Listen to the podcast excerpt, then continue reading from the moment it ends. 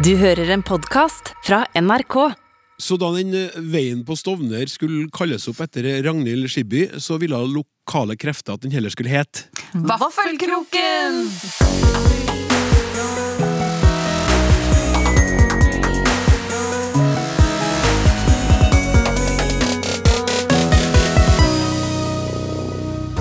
Mens over 850 gater i hovedstaden vår er oppkalt etter menn, har bare 138 kvinner fått den samme æren. Denne skjevfordelinga er det mange som vil til livs, ikke minst forfatterne bak den kommende boka 'Kvinnenes by'. Språksnakk med Klaus Sonstad. Velkommen skal du være til Språksnakk, hvor vi også denne gangen skal snakke om hovedstadens gater, men nå handler det altså om å reise kjerringa og få opp andelen med kvinnenavn, blant annet. Mens spansk velges blant flest elever på ungdomsskole og videregående, er nordmenn som behersker tysk, mest ettertrakta i næringslivet. Was ist passiert? spør jeg på min tysk fra åttende klasse på Klæbu ungdomsskole. Dagen-redaktør og Farmen-kjendis-deltaker Vebjørn Selbekk er ukas gjest i Ut med språket, og en lytter lurer på hva uttrykket 'å levere varene' egentlig har å gjøre med idrett. Jeg er en by med hundrevis av gater. Og skal jeg være ærlig, kjenner jeg bare noen av dem.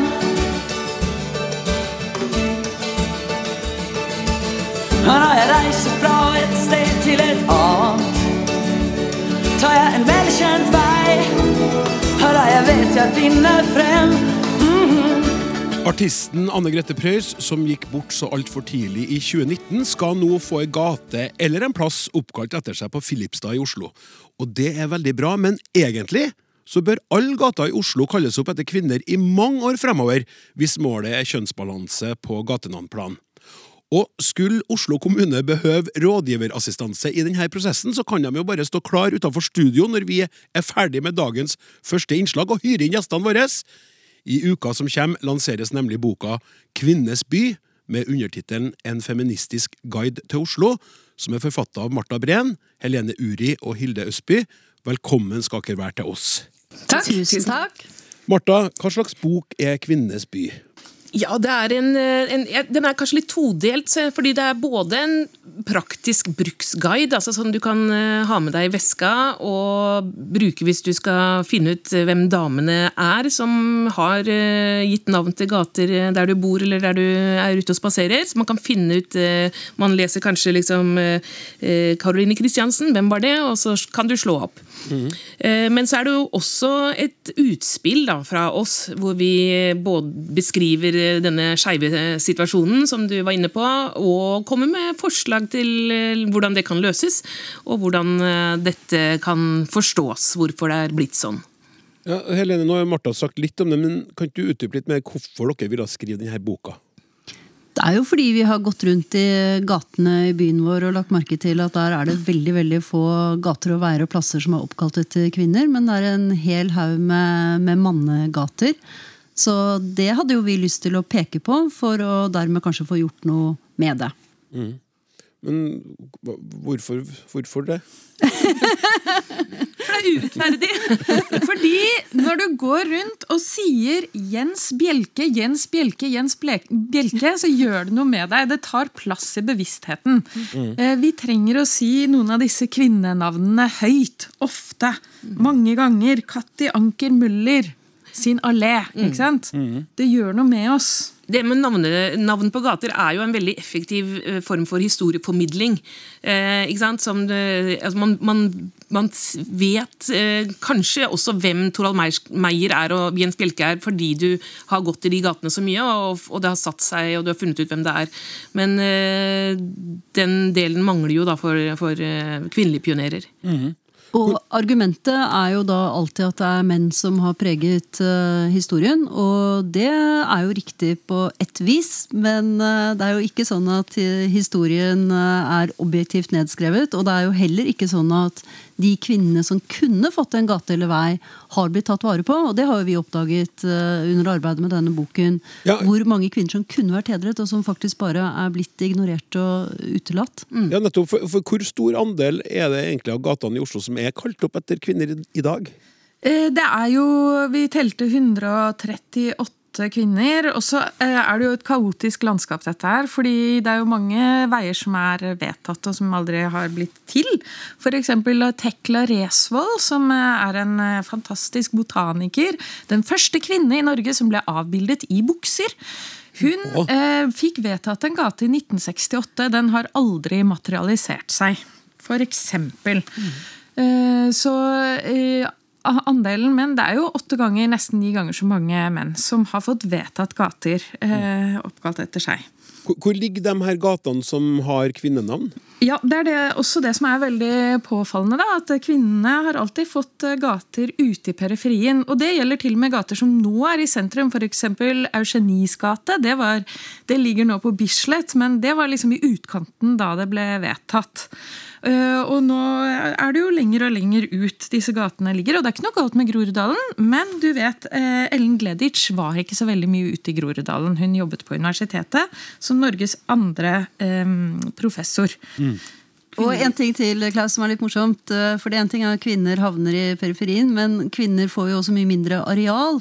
Sånn at kvinner får plasser oppkalt etter seg som egentlig bare er gatekryss. Ja, det så jeg at dere sk skriver i boka. Ja. Fordi det også da blir sånn at de får ikke Det er ingen som sender noe adresse til Eller sender noe brev eller post Nei. eller noe til en plass. Det er ingen som bor på en plass. Eller man bor rundt en plass, men det er ikke en adresse som sådan. Nei. Det er veldig annerledes. Ja, for da blir ikke det navnet gjentatt og gjentatt. Da er det ikke som eh, ikke sant? Jens Bjelkes gate, som vi sier hele tiden. Olaf Nordhagens vei i Trondheim, som Ja. jeg bor i, ikke sant? Eller nå Sverdrups vei, som jeg bor i. Det var også en, eh, en mann. Ja. Trondheim er jo også, eh, ha, har jo det samme problemet. Vet- Vi kommer vet- til Trondheim! Vi skal eh, definitivt prøve å lage en eh, feministisk Ja! vandring, i hvert fall i første omgang, rundt i Trondheims gater. Og det er jo veldig mye som skjer der. Dere har jo fått, dere har jo fått et sånn feministhus de siste åra, og en eh, wall of feminism med bilder. På bild- engelsk og ikke trøndersk. Det heter wall of feminism, jeg vet ikke hvorfor. Klaus, hvorfor heter det det? Nei, det, det, det har ingenting med språksnakk om meg å gjøre, så det kan ikke jeg svare på. Men, ja. men ok, men vi må tilbake litt mer til, til hovedstaden, som dere jo nå har skrevet bok om, og den eh, kommer jo straks i bokhandelen. bokhandelen. Men hva som kjennetegner ellers gata oppkalt etter kvinner, da? Sammenligna med gata oppkalt etter menn. Vi har det med at de får plasser, da. Er det noen andre ting? Ja, nei, Det er jo disse tingene både at det ligger eh, langt utafor byen. Det var jo sånn at eh, man, når man bygde denne byen på eh, siste halvdel av 1800-tallet, så, jo, så eksploderte jo Oslo i størrelse. Derfor så, Og da var jo menn helt rådende i offentligheten. Så, så sentrumsgatene er oppkalt etter menn, og ofte ganske uviktige menn. Altså det, var, det har aldri vært så lett å få en gate oppkalt etter seg som akkurat på de tiårene der. Veldig mye, Mange som kanskje ufortjent eh, eh, fikk det. Eh, så, så det ligger langt ute. Det er ofte plasser, det er ofte kortere og mindre gater. Noen ganger bare stier eh, og, og sånn små stikkveier, på en måte.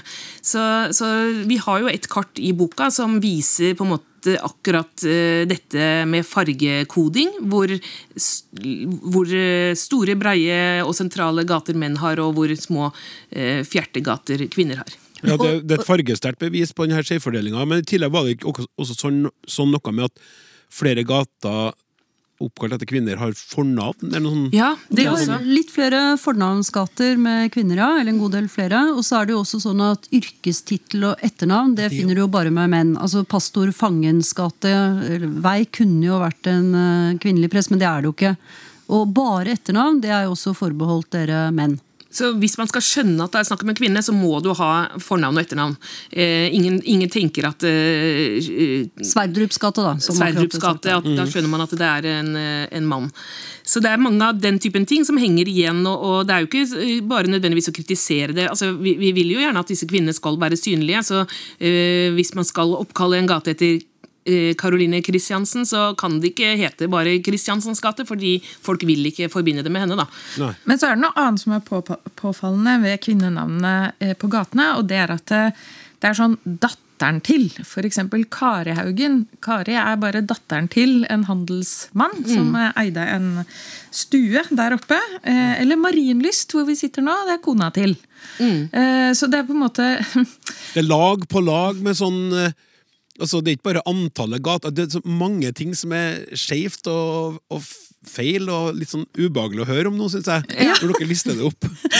Enig. Ja, det er det jo. Det er. Øh, Det er ordentlig urettferdig. Hvorfor har vi Presidentgata? Vi som ikke engang er republikk. Ja. Og så har vi ikke Hulda Garborgs gate her i Oslo. Hulda Garborg som eh, skapte den moderne bunaden, altså som er, kan kalles en moderne 17. mais eh, mor, nærmest. Og- og Det Norske Og det Teatret norske. Mm. teatret som ligger midt i Oslo, og likevel syns hun ikke i gatebildet. Men, men på Det- Grünerløkka så har vi en gate som heter Ingens gate.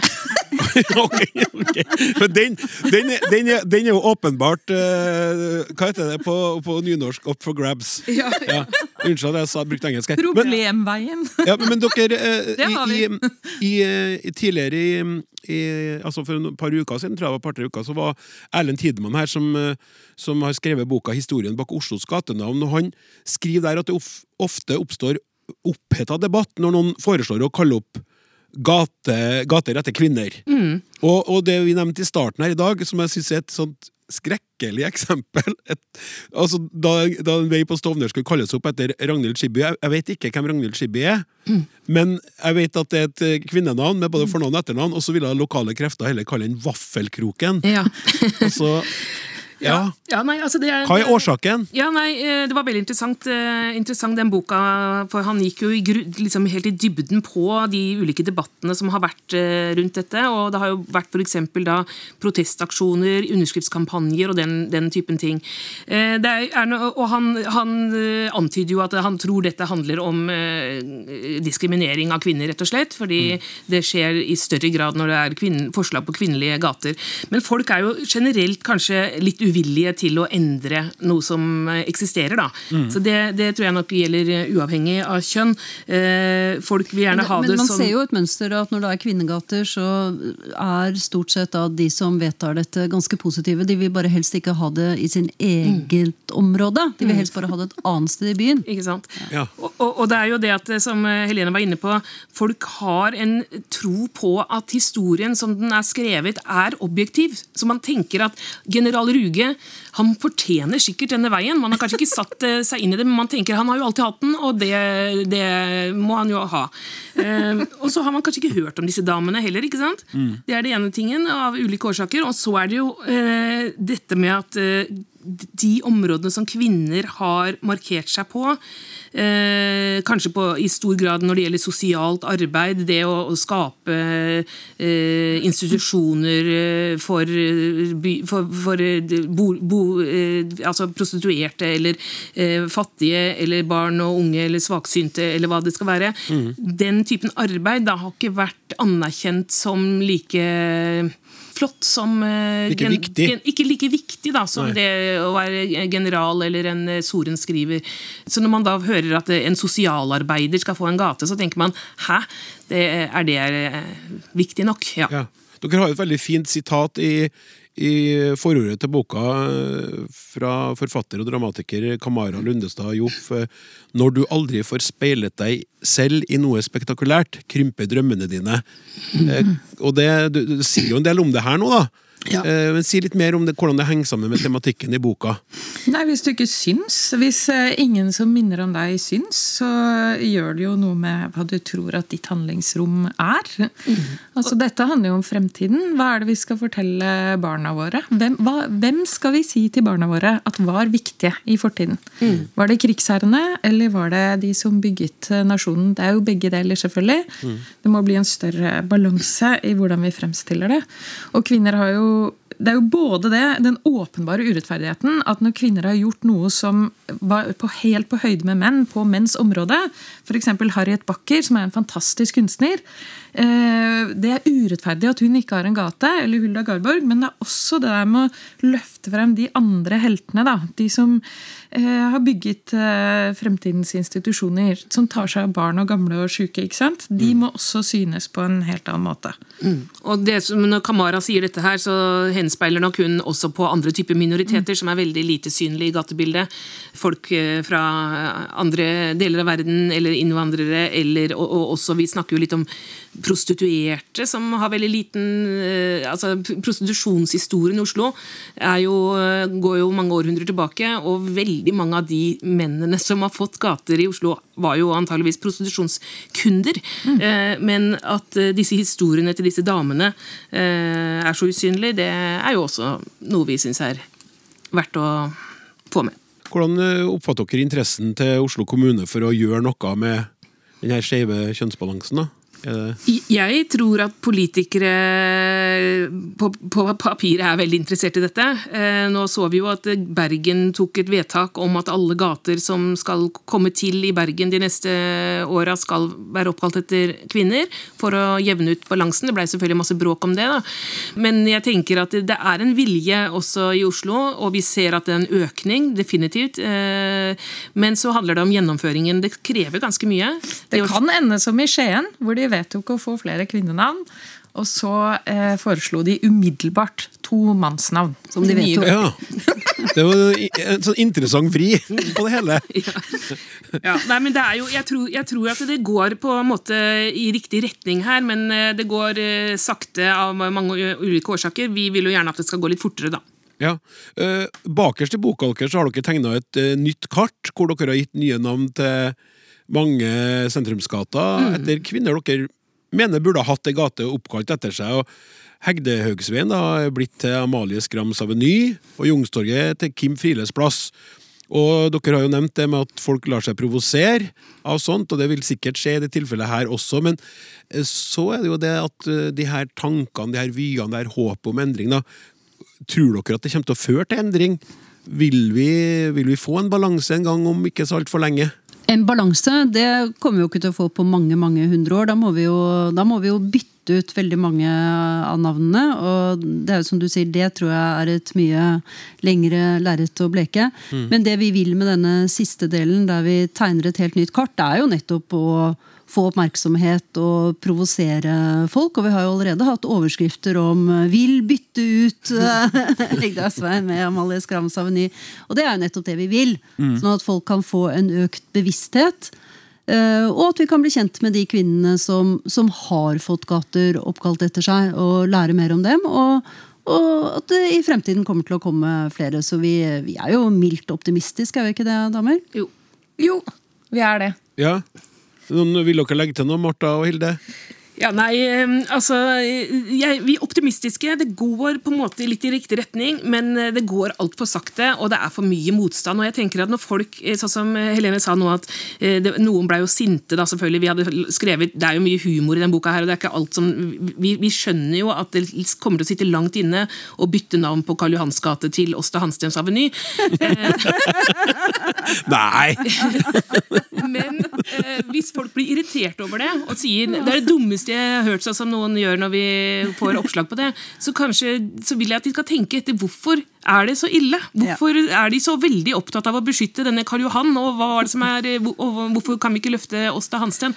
Så, så liksom bare det å få litt sånn eh, tenke hvorfor reagerer jeg som jeg gjør, det kan jo være en bevisstgjøring. Og jeg mener, det hadde jo vært utrolig kult da, hvis Jungstorget ble hetende Kim Friles plass. Det fortjener hun Ja. så veldig. Ja, det er sant. Jeg syns ikke Jung fortjener det like mye. Nei. Altså, jeg er jo eh, sånn Jeg Skal prøve å være nøytral programleder her nå og la dere si det der, men eh, ja, Jeg skal ikke si hva jeg tenker, men jeg, jeg, jeg, jeg tenker at jeg er ganske enig! Ja. Eh, Jeg må få si tusen takk til dere eh, tre, Marta Breen, eh, Hilde Østby og Helene Uri. Helene, du kommer tilbake på slutten av sendinga i dag for å svare på et lytterspørsmål. Lykke til med lanseringa av Kvinnenes by, en feministisk guide til Oslo.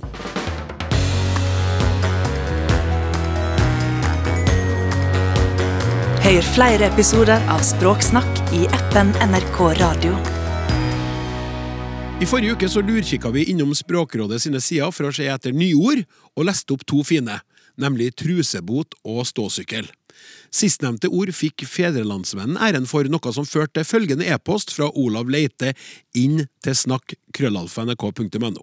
Hei, Språksnakk! I all beskjedenhet vil jeg nevne at jeg foreslo begrepet ståsykkel allerede i oktober i fjor. Se nedenfor.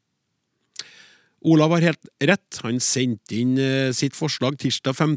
oktober klokka 16.36, der han mente at elsparkesykkel ikke fungerte, men ståsykkel kunne være et nytt ord i så måte. Da har vi retta opp i det. Vi ba dere også om innspill til nyord. Om dere har kommet over eh, et, eller kommet på et, så ville vi gjerne høre fra dere. Og Morten eh, Bremer Mæli lot seg ikke be to ganger. Hei! Mitt forslag til nyord i 2022 er pysepils for det trauste, kjedelige lettøl. Jeg innser at sjansen for å nå opp nok er begrenset, men jeg fastholder at forslagets klare ironiske undertoner kan bidra til dets popularitet og følgelige bruk. Pysepils der, altså. Skål for den, Morten. Ukas gjest i Ut med språket er en mann som ikke er redd for å mene flertallet midt imot, og fortsatt stå for det mens det stormer som verst. Men da han rev knallhard kjeft som reality-deltaker, fikk pipa plutselig en helt annen lyd. Vebjørn Selbekk, redaktør i avisa Dagen, velkommen til Språksnakk. Tusen takk for det. Du kan trygt kalles en frittalende person med svært sterke meninger om, mye og mangt. Først og fremst eh, servert skriftlig, selvfølgelig, gjennom lederne dine i Dagen. Og så blir du stadig invitert til å gjenta synet ditt i Dagsnytt 18 her på P2, eller kanskje Debatten på NRK1. Uansett provoserer du ofte dem som ikke er enig med deg. Er du enig? Ja da, det jo, jeg blir jo sånn, det. Eh, og det er jo litt mitt lodd i livet da, å stå i noen av de mest oppheta debattene som går i, eh, i samfunnet. Men eh, jeg trives nå egentlig veldig bra med det òg, så jeg har ikke noe klag på på. altså. Nei. Nei, men du skjønner at Når det gjelder de her meningene dine og de her diskusjonene dine, så, så var det sånn at når jeg for noen dager siden leste denne overskrifta i en sak om uh, Vebjørn Selbekk, 'Jeg skammer meg', så tenkte jeg at det kanskje handla om at du angra på uttalelsene dine om homofile kirkebryllup, eh, surrogatmødre eller noe sånt, men det gjorde du jo ikke, for der holder du stand. I årets utgave av Farmen kjendis på TV2, derimot, så ble du grepet av anger etter å ha sagt meninga di. ja, det er så rart med det. Men nei, det var jo Jeg, følte jo at jeg klarte å, å holde meg i skinnet ganske bra inn på Farmen. og og vi hadde jo en veldig sånn uh, harmonisk, uh, et harmonisk forhold der, alle oss imellom. Men så, når vi har levd sammen der i, i, i fred og fordragelighet en måneds tid, da, så var det jo et sånt førstekjempevalg som, uh, som gikk litt av sporet. Og da falt det vel noen ord fra min side og som, som jeg kjente etter at det var greit å gå ut og, og beklage litt. Og så er det jo sånn med med TV og reality-TV. sånn at det, det klippes noe ganske kraftig òg, da. Så det ser noe litt mer voldsomt ut for, eh, for seerne enn det som det føltes inni der, i hvert fall. Og det dramaet på Farmen det varte nå kanskje bare et lite døgn, så var vi tilbake til den gode, gamle harmonien igjen. Ja, ok, men samtidig så sa du noe hvis det her eh, sitatet stemmer, da, at det gikk fra huset på prærien til American Psycho. Vi hadde harmoni, ja. og nå er svært mye som er blitt ødelagt i løpet av de siste 24 timene. Og da, da, da er det en ganske ja. dramatisk eh, sånn spennings- eller aggresjonskurve. da. Ja da, jeg brukte et annet språklig bilde som jeg var fornøyd med òg. Jeg sa at det, gikk fra Sesam stasjon til Fluenes herre. Det er ikke så galt, det heller. Nei, bra, da, det, var, nei, det var en, det var en, eh, en ganske oppheta periode der, ja. Men men så, så, kom det liksom eh, kom det i orden igjen. Og det var jo på en måte den herre sabotasjen da, som gjorde at eh, Det var jo en veldig sånn provoserende handling, men det rista oss sammen som, som gruppe igjen. da, så, så Alt i alt så var det jo, var det jo veldig, veldig veldig trivelig opphold på, på Farmen kjendis, må jeg si. Ok, uh, Tilfeldigvis så er det jo finale i nettopp Farmen kjendis akkurat i dag, søndag. Ja. Hva var grunnen til at du takka ja til det, til det her, da? Du vet at eh, Jeg tenker bare sånn at det her er Eller det, det handler litt om, om holdninga mi til livet. da, At jeg ønsker på en måte å ta de sjansene og mulighetene som, som jeg får. Og, og det å altså kunne få reise 100 år tilbake i tid, leve uten telefon, eh, uten klokke, med et hygienisk nivå på uteliggernivå, eh, og også på en måte få testa seg sjøl. Mm. gruppedynamikk, hvordan vil jeg fungere i et sånn gruppe? Så for meg var det et, et sånt både fysisk og, og, og psykologisk eksperiment. Hvordan klarer jeg meg med, med lite mat? Hvordan klarer jeg meg med, med hardt arbeid? Hvordan vil, jeg, vil dette her eh, gå? Så det, det var bare rett og slett for spennende til å, til å kunne takke nei til. Og så skal jeg jo, må jo si det som det er. Ikke sant? Jeg skal, skal ikke gjøre meg noe bedre enn jeg er. da. Det, eh, jeg liker jo litt sånn eh, oppmerksomhet og kamera og spetakkel og bråk. Og. Det er vel et eller annet Det ligger vel noe narsissistisk åre i personligheten min, så er mulig det, er mulig det slo til litt der òg. Det kan hende. Eh, bare sånn eh, Det er litt forskjell på den måten dere levde på 100 år siden, og hvordan de faktisk levde. For før i tida, altså for 100 år siden, så kunne man jo ikke smugle inn eh, masse varer utafra. Sånne ja, sprit og mat og alt mulig som plutselig dukker opp på gården på 1800-tallet. Nei, det var Men det å, det å føle er noe overdrevet, da. Det var, det var, det var enkelte som, eh, som smugla inn eh, en del. eh, Og de fleste av oss eh, var jo ikke borti det. Og jeg har liksom ikke eh, Det var viktig for meg å ikke være noe sånn der eh, moralpoliti på gården her, så jeg var liksom eh, eh, De må nå få gjøre, gjøre det de ønsker, men for meg var det viktig å prøve å, at dette her skulle være så autentisk som mulig. Og nettopp eh, fordi at jeg ønska å teste meg sjøl. Teste meg hvordan jeg fungerer med den eh, ensidige kosten og, og det nivået på mat som det, som det var der. Og, og Derfor så ønska ikke jeg for min del hvert fall å være med på, på denne smuglinga. Sånn, eh, det som skjedde, sant, det var jo at du ble veldig opprørt etter at eh, det var en sånn at, at det ble brudd i, i planen eller avtalen knytta til en sånn storbondeutnevnelse, og så og så, og så rev du kjeft og ble fortørna, og så ba du om unnskyldning etterpå og rydda opp til vedkommende. Som da var en, en av de kvinnelige deltakerne, yngre kvinnelige deltakerne på Farmen kjendis. Ja, det, det, det, det stemmer, det. altså. Og det var, jo, var jo gjort opp eh, egentlig umiddelbart etterpå. For jeg, jeg gikk bort og, og ga han klem og beklaga. Og så satt vi, og det kom heller ikke med på TV, nå, men vi satt jo og prata ut om, uh, om det der. der. Sånn at uh, det ble gjort opp veldig fort. og det Sånn prøver jeg å, å, å leve da. Og så er det jo sånn at uh, jeg lever nå greit med, med at det kan koke over for meg òg. Altså, jeg er jo ikke noe sånn hva skal jeg si eh, mannlig utgave av Santa Lucia. Så at jeg, jeg har nå mine, mine sider. Og, og det, det er nå greit at det, at det kommer fram, eh, det òg. Og så får vi får vi gjøre opp og, og be om unnskyldning og, og gå videre. Det prøver jeg å, å praktisere, og det gjorde jeg der inne òg. Du hadde jo forberedt familien din på at du kom til å ta av eh, litt sånn i uheldig retning i forkant av denne aktuelle episoden, men jeg lurer på om du bruker å si ifra når du tar av i en leder i dagen, eller har vært i verbalt klammeri i en debatt på radio eller i TV-en? Nei, jeg gjør jo ikke det på samme måten, da. men det var noen ting med, med hele situasjonen her at eh, det ble liksom eh, guttene mot eh, jentene og ble en veldig sånn oppheta situasjon. Og så hadde jo jeg hatt en, liksom en sånn plan om å holde meg unna den typen spetakkel og bråk og allianser og, og sånt. da, og det, det holdt liksom i en uh, måned, der jeg følte jeg fikk uh, vist uh, litt smørsia av meg sjøl her. Og så, og så ble det jo den her, her episoden, og da følte jeg at det, det må jeg fortelle familien at her går det bra en måned. Og så blir det en, en liten avsporing, men så kommer vi raskt på sporet igjen da. Så var de jo var litt uenighet i heimen da, uh, blant ungene mine. Var jo, ene dattera syntes jo dette her var helt forferdelig. at jeg uh, gjorde det jeg gjorde, og mens, uh, mens de to andre ungene mine syntes at det var ikke så gærent likevel. Nei. Så det var litt delte meninger Heimen. Har du noen gang sagt unnskyld til en debatt eller eh, meningsmotstander? da?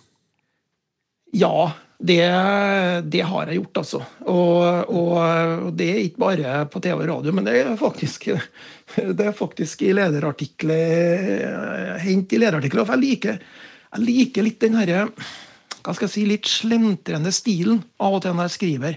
At det blir litt der han sånn på kanten. Og, og jeg har jo forbilder vet du, når det gjelder å, å skrive, da, sånn, som er litt slentrende. For eksempel Kjetil Rollnes, som synes, jeg synes har en av Norges beste penner. Jeg liker lederne til Trygve Hegnar. og De ligger på en sånn litt sånn stil, og den prøver jeg på noen ganger, jeg òg.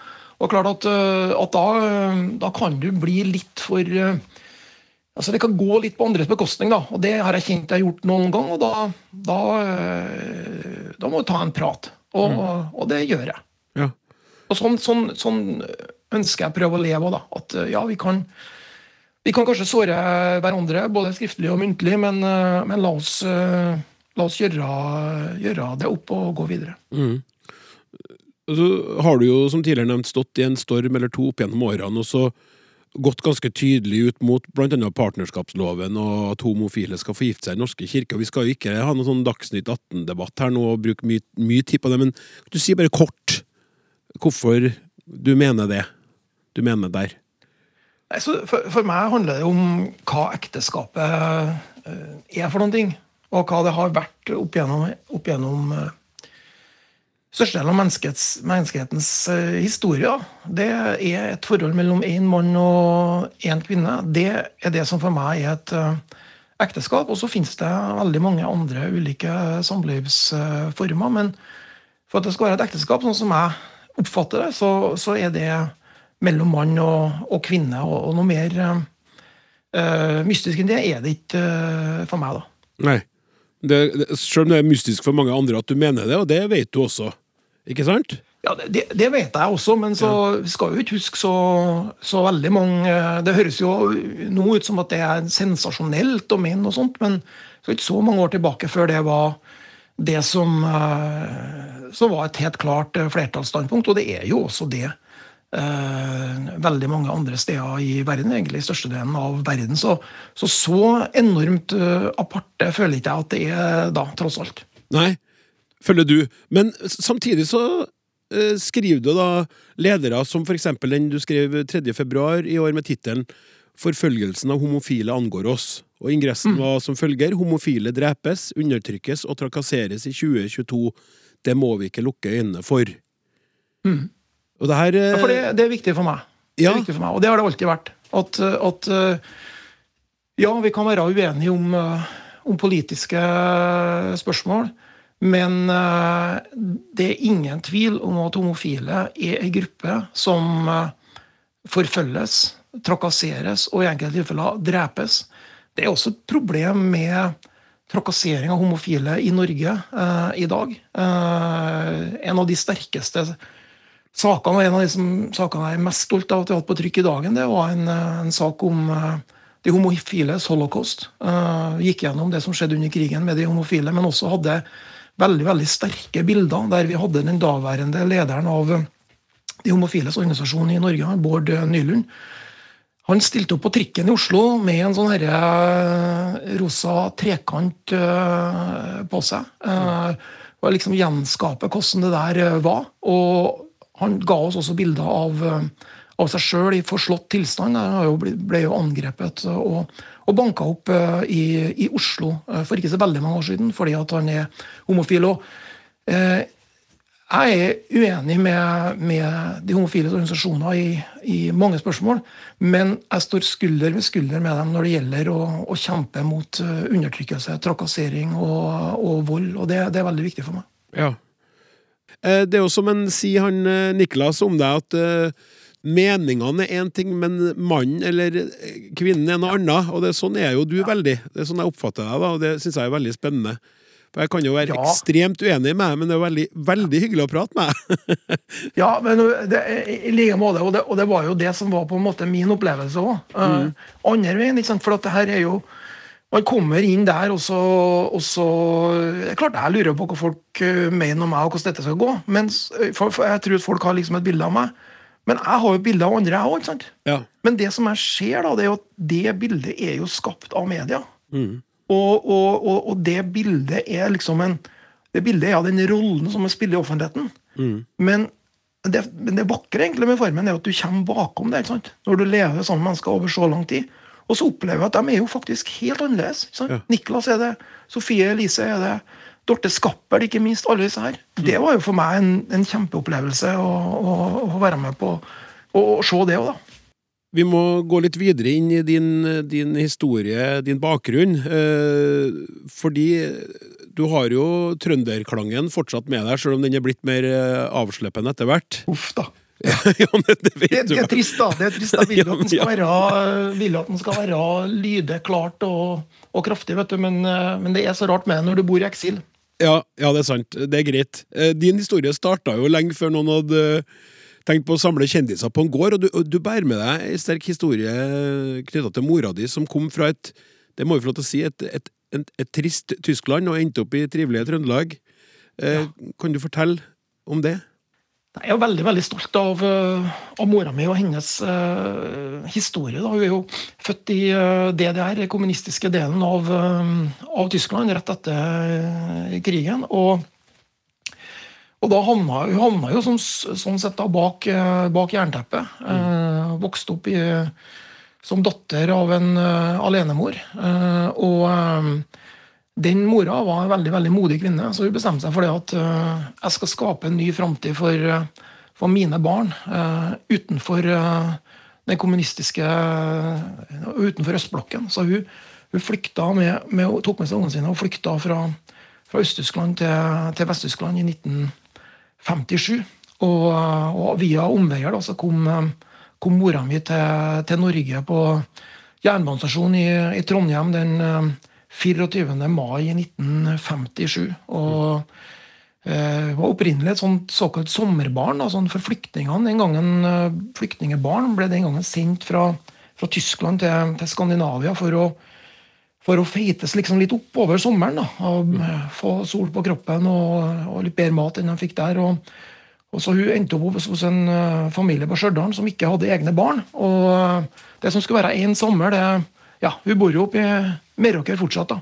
Så Det er en sånn historie som jeg er veldig stolt av. Vi har vokst opp med, med det her, broren min og jeg, og, og, eh, og bærer det, det med oss og er veldig prega av det. da. Jeg føler jo på en måte som at jeg fortsatt lever litt i den kalde krigen. Jeg er veldig fascinert av alt som har med, med, med den delinga av Europa å gjøre, og, og, og den delen av historien vår. Snakker du tysk sjøl? Altfor dårlig, da. Du vet, jeg er så glad i mammaen min. Det eneste jeg bebreider litt, det er at ikke vi snakka tysk som hovedspråk i heimen min. For det hadde gått an, fordi faren min også studerte eh, tysk, og de snakka jo, snakka jo tysk når, når de ikke ville at broren min jeg skulle forstå. da. Men, men der kunne vi ha fått en sånn eh, lett reise til å bli tospråklig. Jeg knoter litt på tysk. Jeg leser ganske godt tysk og gjør meg relativt for godt, godt forstått i Tyskland. Men, eh, men eh, kunne og skulle ha vært mye bedre på tysk. Ja.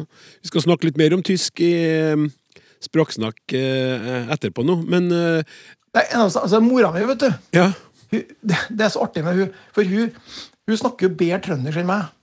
Sånn Du, kan, du, kan ikke, du kan ikke, du kan ikke Når du snakker med hun, det er helt totalt umulig å skjønne at hun ikke er født og oppvokst i, blant de trønderske fjellene. Men eneste, eneste gangen du merker tyske bakgrunn, det er når hun begynner å snakke engelsk. Ja. For da blir det sånn Da blir det sånn tyskerengel. Sånn det, What are you thinking about? ja, I'm thinking, I'm thinking, what are you thinking about? Altså, det, det, det, er, det er ganske artig, ja. Eh, Siden det er norsk som tross alt er hovedmålet ditt, så lurer jeg på hvilke tanker du gjør deg om det norske språket. Altså, nå er det åpenbart at det er viktig for deg, du skriver ledere, du er journalist. Eh, Men hvordan tenker du på det norske språket, du? Sånn viktigheten av det? Nei, det, det, det er kjempeviktig, og, og, um, og det er jo klart at uh, det er et språk som er under press, som et, uh, et relativt uh, lite språk, som utfordres av, av engelsk og, og alt det som skjer i, i ungdomskultur og sånne ting. Men jeg syns at, vi- vi holder godt stand på mange måter. da, så Eh, og det er klart at For oss som, som jobber med språk eh, og uttrykker oss både muntlig og skriftlig, så er det jo, det er jo arbeidsverktøyet vårt òg. Og så er det jo sånn at vi eh, etter fattig evne prøver å, å ikke bare eh, gjøre grovarbeid, men å gjøre litt finere kunstneriske eh, arbeider også med, med språket. Da. Så det liker jo jeg veldig godt. Prøve å finne litt sånn litt fyndige sammenligninger og, og eh, tøffe one-linere og sånt. Det er på en måte min sånn, Jeg driver og filer litt på, på språket mitt og, og uttrykkene mine, så, og det, det liker jeg veldig, veldig godt. One- one- One-linere som eh, hva, hva, hva, hva ville ha vært et bra norsk ord der, forresten? Ja, Ja. Enlinjere. Enlinjere som balans, balanserer på grensa. Er det du Ja, jobber ikke med? Ja. Vet du hva? Det var jo et eksempel på hvordan det norske språket er under eh, press. da, Og, og det presset bidrar jeg til sjøl her. Ja. Eh, Men eh, du er opptatt av dialekter òg? Ja, vet du, jeg elsker dialekter. Altså, det er på en måte jeg, Det er vel som å bånd i kirka, dette her, men jeg er ikke så fryktelig glad i nynorsk. Tilgi meg, alle sammen. Jeg er ikke det. Men dialekter, det syns jeg er helt eh, fantastisk. Og de mer spesielle de er, dess artigere syns jeg det er. Og den her, liksom, den her lokalforankringa og lokalarven, det er jo en skatt. Og tenk at vi har så enormt mange forskjellige dialekter. og bare Forskjellen på øh, altså liksom Hvert eneste bygdesamfunn har jo sine egne vrier. ikke sant? Det er jo, Du kan dra oppover dalen fra Stjørdal til, til Meråker og snakke med dem litt øh, Eller for å si vi, litt annerledes oppe i Meråker enn man, enn man gjør lenger ned i dalen. Og det der er, syns jeg er, er veldig, veldig fascinerende. Nå er det sånn at eh, Jeg skulle gjerne diskutert mangt og meget med deg, men vi har noen ende på de her samtalene, og da bruker vi ofte å komme til det som er det absolutt uh, siste og det eneste faste spørsmålet. Og jeg må jo si at jeg gleder meg veldig til å Det gjør jeg alltid, men jeg er spent på ditt svar. Fordi Vebjørn Selbekk, ut med språket. Hva er ditt favorittord? Ja, da må vi altså Da må vi rett og slett gå til, til religionens verden. Jeg håper ikke jeg skuffer mange her, men, men det er et ord som, som er både fra religionens verden, men som vi bruker i dagligtalen òg. Men det er et ord som betyr veldig mye for meg, og det er ordet nåde. Også at det er noe som er ufortjent. Vi har ikke fortjent det. Men vi får det likevel. Det er jo liksom basis for, for, eh, for troa mi, og sånn som jeg ser eh, på livet. Og et veldig veldig vakkert ord og en vakker tanke, både når den brukes i religionens verden og utenfor den. Så fint. eh, Da kan jeg kanskje si nåde være med deg. Ja, Det det, det, Takk for det, og nåde være med deg. Ja, Takk skal du ha.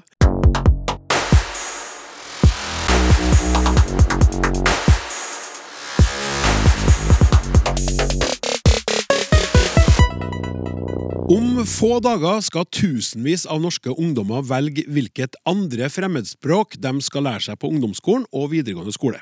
Spansk er mest populært blant de unge, men i næringslivet er det slett ikke spanskkunnskaper som er mest etterspurt.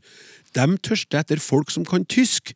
Hvis du skal lande en avtale med et tysk selskap, så har du helt andre kort på hånda om du i pausene kan konversere med motparten om f.eks. de beste skistedene i de tyske alpene på deres eget språk.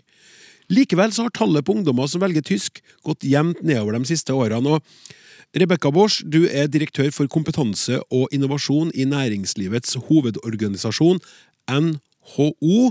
Velkommen til oss. Takk. Hva er grunnen til at næringslivet ønsker seg flere som behersker tysk?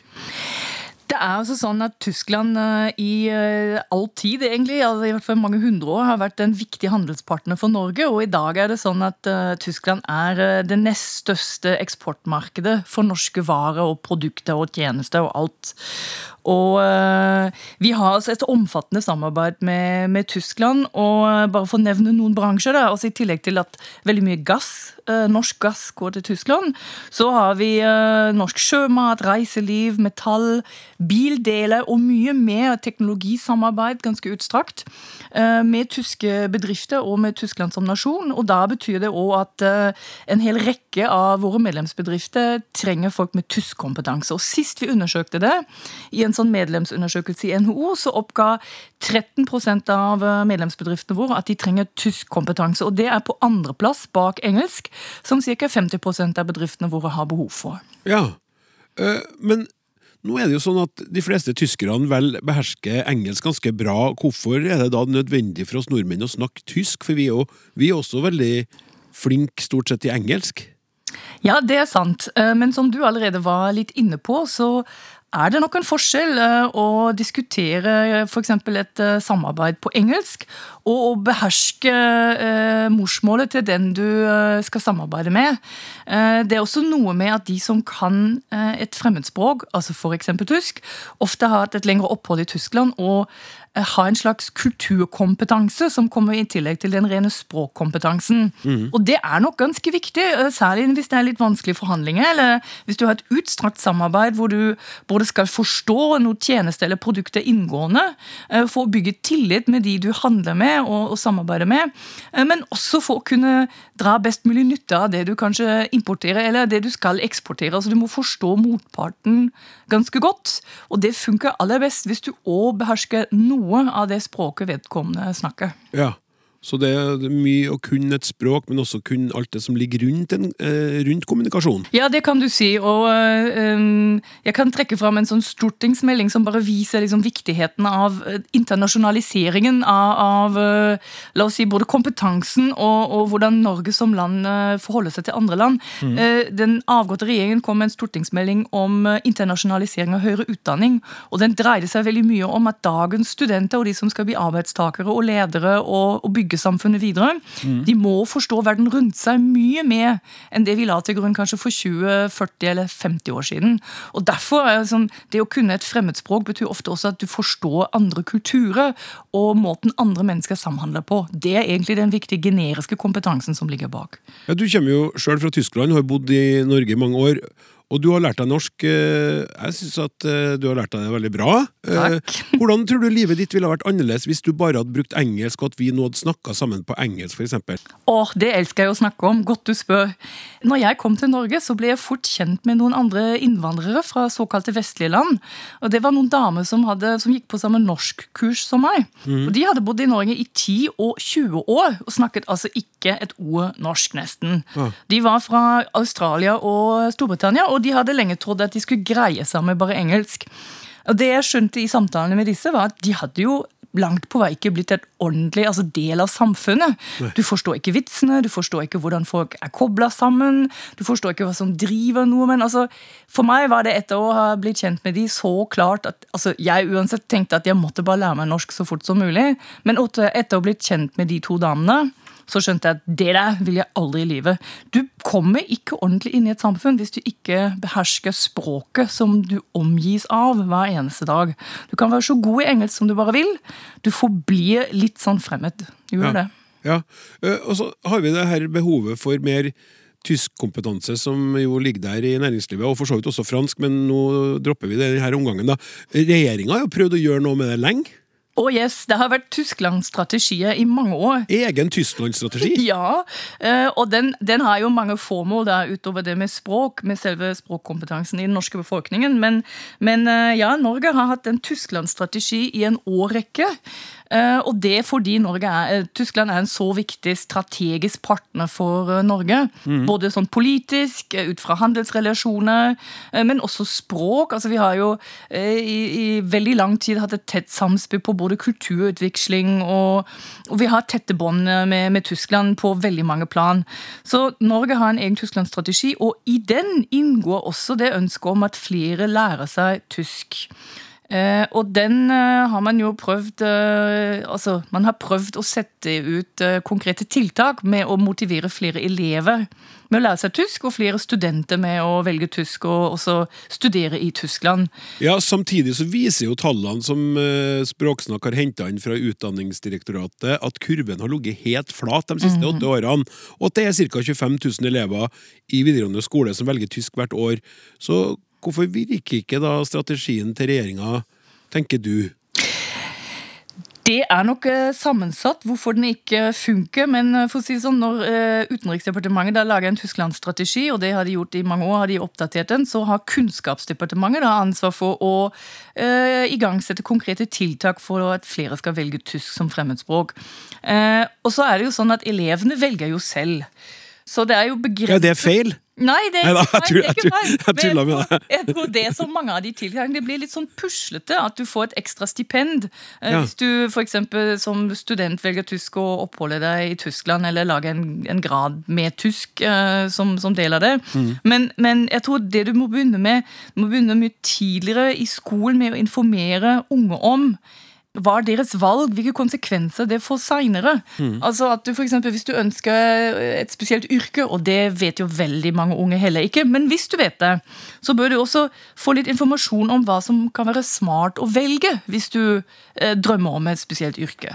Altså at du eksempel knytter til at hvis du, hvis du vil jobbe eh, med noe eksportrettet, du har lyst til å reise mye rundt og, og være ute i verden og være i andre store land, at det kan være smart å velge seg et språk av et av disse store land som ikke er engelsk. At du også um, formidler en slags språkglede, altså gleden over å kunne ord. Det som alltid har slått meg når jeg snakker med nordmenn som kan tysk, eller måtte lære tysk da, i gamle dager, så handlet alt om pugging av grammatikk. og det, kanskje det er noe som er sånn rykte rundt tysk, at det er veldig vanskelig, og at det er mye grammatikk.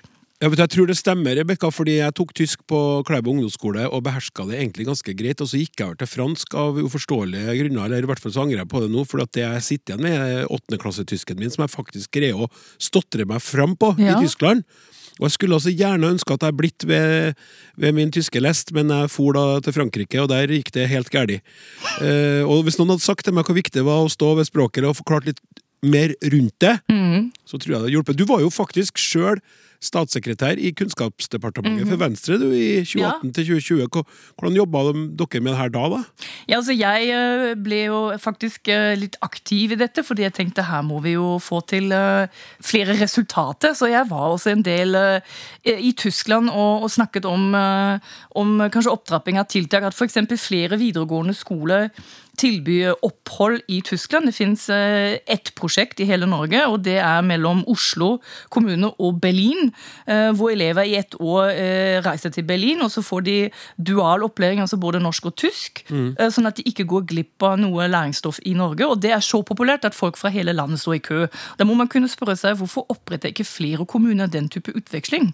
Det var et sånt helt konkret spørsmål. Men så ser du også at som statssekretær så er det, det begrensa hva du får gjort. fordi når jeg var statssekretær i Kunnskapsdepartementet, så kunne ikke jeg tvinge noen enkeltkommune, eller bare spørre de pent om ikke de òg kunne opprette et sånt program, for de ligger jo ikke under Kunnskapsdepartementet, disse kommunene. Nei. Så der ser du en del av den kompleksiteten, da. Og det er jo hos elevene vi må prøve å få til en endring eller en økt bevissthet rundt uh, valg av språk. Det du sa om tysk, det, det stemmer jo veldig godt. Nordmenn har jo egentlig lett for å lære tysk, siden det er samme språkgruppe, og, og på mange måter ligner på engelsk, ikke sant?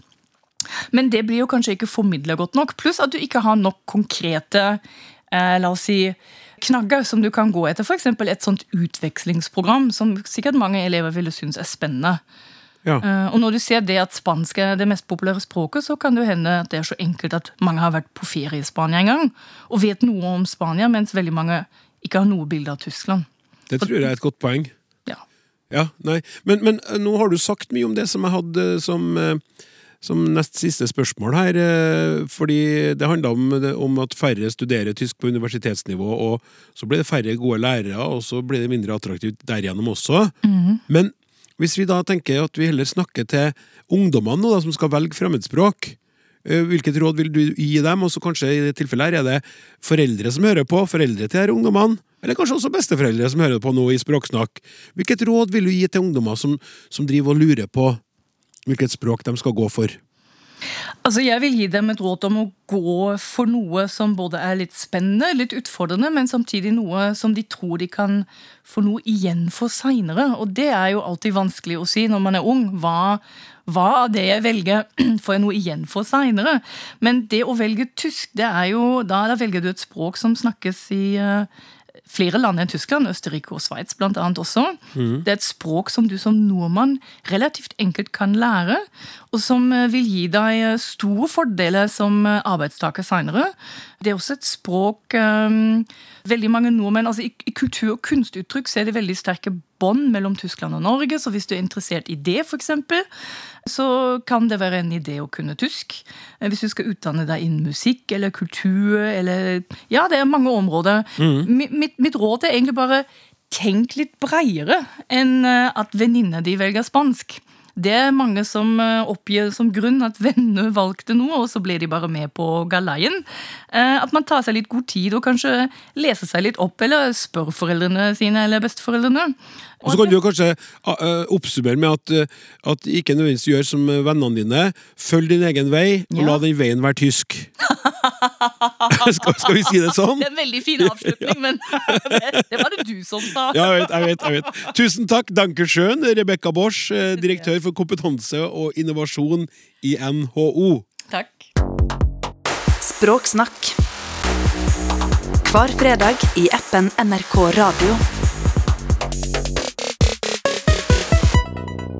Vi har et eh, dagsaktuelt eh, lytterspørsmål å by på denne gangen. Vi kunne like gjerne kanskje sagt eh, nattaktuelt, siden de olympiske vinterlekene stort sett foregår etter leggetid for oss nordmenn. Men uansett, til snakk krøllalfa nrk.no kom følgende elektroniske brev her forleden, som Helene Uri nå er kommet tilbake i studio for å svare på. Hallo, eh, Helene, er du der? Hallo, det er jeg. Ja.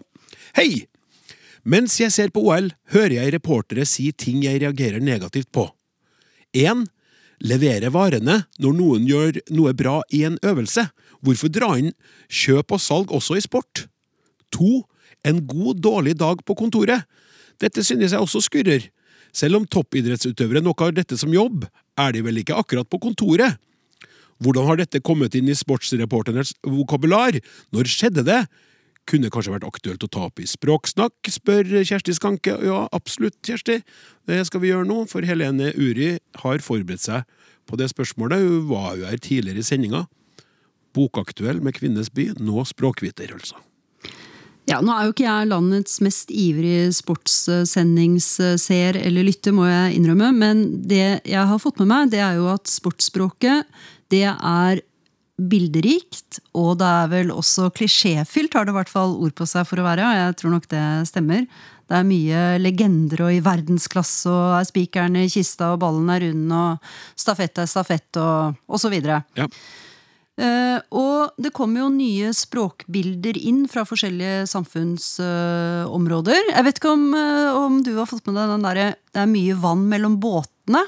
Nei. Man skal si at det er en lang avstand i langrennsløypa. Oh, ja. Ja. Mm. Der, der, du, du sier at du ikke ser noe mye på sport, men den har jeg ikke hørt. Nei, det var, jeg var litt heldig med det nye Eller det bildet der. Jeg har googlet det, og det har vært brukt eh, tidligere også. Veldig pussig. Ja. Eh, Men altså det kommer språkbilder inn fra forskjellige samfunnsområder, og også arbeidslivet. Eh, Og jeg tror jeg oppfatter dette med en eh, god dag på jobben eller en dårlig dag på, på kontoret som en slags morsomhet. morsomhet. Altså kontoret er langrennsløypa eller fotballbanen. Mm. Og så er det jo et eh, faktum at idretten blir mer og mer eh, profesjonalisert. Så det spiller kanskje også en viss rolle, men først og fremst tror jeg det er fordi det er en sånn stadig jakt på nye, nye ordbilder i sportsspråket.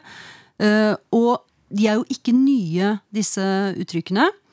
Eh, Jeg har fått hjelp til å søke i Aftenpostens eh, arkiver, og da fant jeg jo f.eks. 'levere varene' helt tilbake i 1985. Å ja. Og det er jo et ganske utbredt eh, uttrykk. Hvis man søker på nettet, får du jo massevis av treff. Både i sportsspråk og ellers i, i, avisspråk og i mediene. Og jeg fant jo også at både NTB og VG de har brukt en god dag på kontoret i sportsspråket helt fra 90-tallet, faktisk.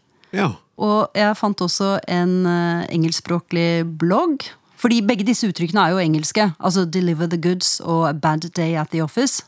Det er jo derfra de kommer, så de er oversatt fra, fra engelsk, som mye annet i, i moderne norsk. Og denne dårlige dagen på kontoret, i denne bloggen som jeg fant, der klaget da den eh, engelskspråklige sportskommentatoren, tror jeg, over at det er en klisjé i engelsk eh, sportsspråk. Akkurat. Så innsenderen var ikke alene om å synes at dette kanskje er et litt sånn dumt uttrykk. da. Jeg syns det er litt gøy. Ja, jeg tenker jo som så at eh, idretten er blitt så profesjonalisert, og du er jo nesten en vare som deg sjøl. Ja.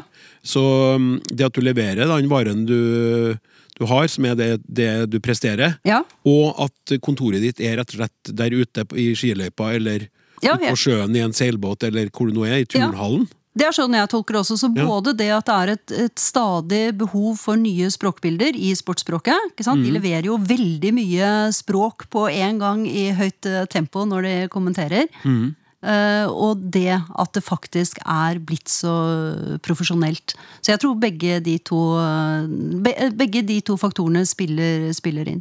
Ja, men da får vi eh, håpe at Kjersti Skanke opplever at du nå leverte varene, Helene, og at du hadde da en god dag på kontoret da du satt og forberedte deg på å svare på det spørsmålet her. Ja, Da må jeg jo bare svare, Klaus, for hva ville en sportsjournalist ha spurt om nå? Hva føler du nå? Ja, Jeg føler at dette har vært ei en fin sending. Tusen takk skal du ha. Okay.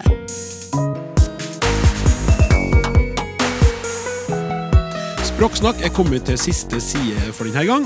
I redaksjonen Martin Våge, Randi Lillealteren og Hilde Zahl. Jeg heter Klaus Sonstad. Auf Wiedersehen! Vi snakkes!